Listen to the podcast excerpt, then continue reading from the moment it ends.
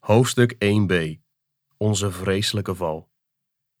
John Bunyan vertelt aan het begin van de Heilige Oorlog eigenlijk de eerste hoofdstukken van Genesis na. Daarbij begint hij op de juiste moment van vertellen. Niet met de val van de stad Mensiel, maar met het beschrijven van de stad voor haar val. Bunyan beschrijft dat Mensiel goed is geschapen. En terecht, koning Shaddai schiep jou en mij naar zijn beeld en zijn gelijkenis. Dit geeft Bunyan symbolisch aan met de opmerking dat midden in mensziel een beeld van deze vorst stond opgericht. Wij mensen vertoonden Gods beeld van ware kennis, gerechtigheid en heiligheid. Naar buiten toe zorgden vijf onneembare poorten voor bescherming van die prachtige schepping. Dat Bunyan zijn verhaal zo begint, is erg belangrijk. Er zijn namelijk christenen die benadrukken dat een mens eerst moet beseffen hoe groot zijn val is nou, daar kan ik heel kort over zijn. Dan beginnen we echt te laat. Je moet niet eerst je val inleven, maar je geweldige ontstaan. Alleen dan ontdek je hoe mensziel was, hoe de mensen waren. Alleen zo doe je de Heere recht en verheerlijk je hem. In het paradijs kon je hem vrijwillig dienen. Mensziel was architectonisch zo wijs en knap gemaakt dat het niet nodig was dat je zou vallen. Wie dit begin niet serieus neemt, moet goed opletten. Met alle goede bedoelingen kun je dan toch een advocaat van Diabolos zijn. Hoe dat kan? Nou, stel je eens voor dat je niet gelooft dat de Heer een mensziel zuiver en in oprechtheid heeft gemaakt. Dan kun je ook niet geloven dat je gerechtvaardigd kunt worden in Jezus Christus, de tweede Adam. Als je de oprechtheid van Shaddai's bedoelingen met mensziel voor de val in twijfel trekt, zul je nu na de val ook niet geloven dat God het goede wil jegens ons dat het Shaddai's liefste wens is om ons door genade te redden in Jezus Christus. Kom daarom eerst mee naar Mensiel. Kijk hoe de stad schittert in de zon. Let op hoe de inwoners daar wandelen in het licht van Gods vriendelijk aangezicht. Zie hoeveel Shaddai van zijn stad houdt. Alleen wanneer wij hier iets van zien, zullen we ook het geheim van het vervolg ontdekken. Zo lief heeft Shaddai deze stad Mensiel in zijn gouden eeuw gehad dat hij zijn zoon Immanuel gegeven heeft na haar val. Dat is het geheim. Shaddai heeft Mensiel niet lief na de val. Dat kan ook niet. Door de poorten open te zetten voor Diabolos is Mensiel in zichzelf een stinkend riool geworden. Er kan alleen maar op Mensiel worden neergekeken. Wie denkt vanuit de toestand van Mensiel na haar val, kan alleen maar verdrietig instemmen met Diabolos. Die zal hem gelijk moeten geven dat Shaddai voor zo'n stad geen enkele liefde kan voelen. Laat staan dat hij haar genadig zou kunnen zijn. En toch, wat een wonder dat Shaddai toch die liefde heeft getoond. Het geheim van Gods ontferming moet je zoeken in die goddelijke liefde voor mensziel voor zijn opstand tegen God. Het is als een hart van een moeder dat blijft kloppen voor haar kind, zelfs als het in de goot terecht is gekomen. Op die manier, en dan nog veel sterker, gaat Shaddai's ontfermende hart uit naar mensziel in haar ellendige situatie. Juist omdat zijn liefde oprecht was, voordat mensziel zichzelf in de ellende stortte. Bunyan legt vervolgens treffend de oorzaak van onze val bloot. Dat is nodig, want mensziel leek toch een onneembare vesting. Hoe kreeg Diabolos de stad dan toch in handen? Hoe kon het misgaan? Daar hebben we vast allemaal wel eens over nagedacht. De fout zat hem hierin. Kapitein Verzet en zijn vrienden bleven te lang op de muur staan om te luisteren naar Diabolos. Daarmee gaven ze zichzelf bloot en op die manier waren ze een prachtig mikpunt voor Diabolos scherpschutter. Zo ontmaskert Bunyan haarscherp de tactiek van Diabolos. Deze manier van doen is heel kenmerkend voor hem. Niet voor niets vergeleek Maarten Luther de duivel met een domme aap die steeds weer hetzelfde kunstje uithaalt. Satan gaat redeneren en probeert op die manier ook ons aan het twijfelen te krijgen. Mijn grootvader, dominee R. Kok, zei daarom wel eens: redeneren is de reden eren en de reden eren is God onteren. Dat betekent niet dat je dan maar klakkeloos moet geloven of moeilijke vragen uit de weg moet gaan. Nee, God heeft ons ook verstand gegeven om te gebruiken.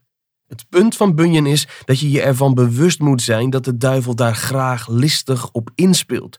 Dat je eigen redeneren meer gewicht krijgt dan wat God zegt. Diabolos probeert elke keer opnieuw, ook nadat je genade ontving, ons op de muren van mensziel aan de praat te krijgen. En dat doet hij met maar één doel. Zijn handlangers in de gelegenheid stellen om hun boog op ons te richten, om hun pijlen op ons af te schieten. Zal ik het eens heel concreet maken? Je herkent vast de volgende gedachte. Ach, wat geeft het joh? Waarom mag ik dit niet doen? Wat is hier nu mis mee? Zo serieus neemt God dit toch niet? Zulke gedachten zijn nou de pijlen waarmee de Satan ons hart wil raken, ons aan het twijfelen wil brengen. En weet je wat de juiste reactie hierop is? Leer denken vanuit het woord. Denk maar eens aan Jezus en de verzoeking in de woestijn. Hij verjoeg diabolos van voor zijn stad mensziel met de Bijbeltekst: Er staat geschreven. Je moet leren denken vanuit het woord, in plaats van over het woord. Een van de drie Griekse woorden voor bekering is metanoia, en dat betekent letterlijk anders gaan denken. Echte bekering betekent dat je leert denken vanuit Gods openbaring. Alleen op die manier leidt denken tot verwondering en aanbidding. Dan komen verleidingen en problemen in een ander licht te staan. Maar als je alleen maar met je zondige en beperkte verstand over het woord van God denkt, dan is de Bijbel voor ons, zoals de Bijbel dat zelf zegt, voor de Joden een struikelblok en voor de Grieken een dwaasheid.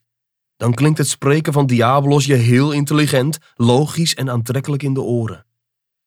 We moeten leren denken vanuit Genesis 1 en 2. De Heere heeft ons goed en naar zijn beeld geschapen, maar wij zijn zelf blijven staan op de muur. Als we deze waarheid vasthouden, verdwijnen alle beschuldigende vragen richting God. Dan wijzen we ook de vraag af of de Heere mensziel niet anders had kunnen maken, omdat hij toch wel wist dat de stad zou vallen. Met die laatste vraag zoeken we een uitweg. En het klinkt nog redelijk ook inderdaad. Maar denkend vanuit Gods woord leren we juist om te buigen.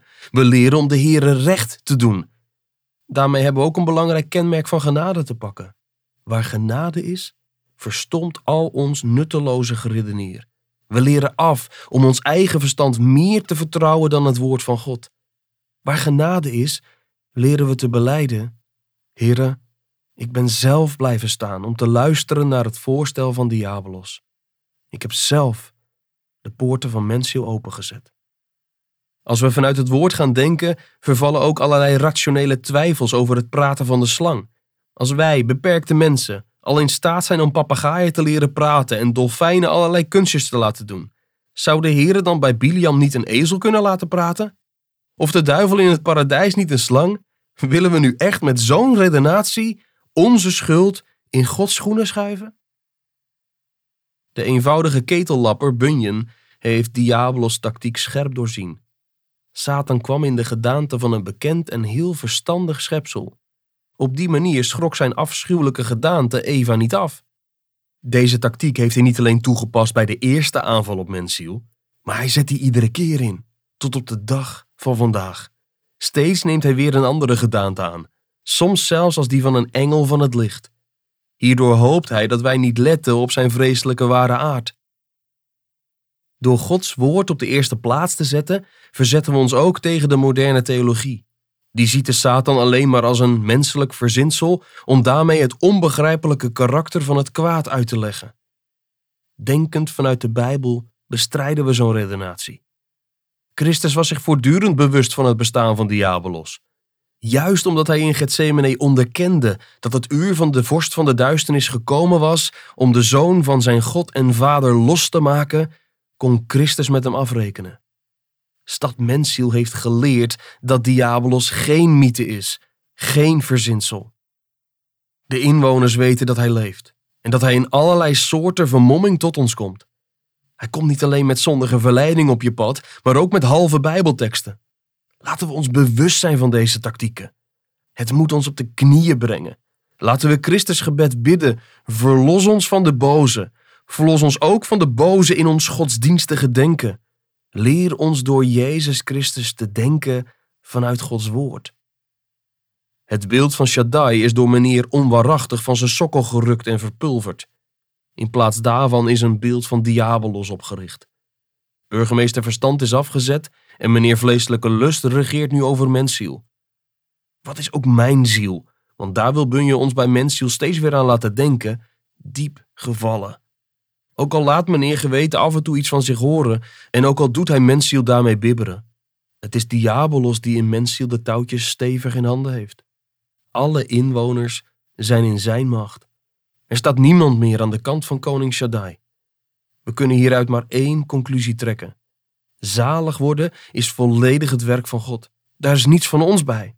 In geen van onze eigenschappen of talenten zit iets wat kan bijdragen aan onze verlossing. We zijn verslagen en we liggen op de grond. Redding moet komen van de kant van Shaddai.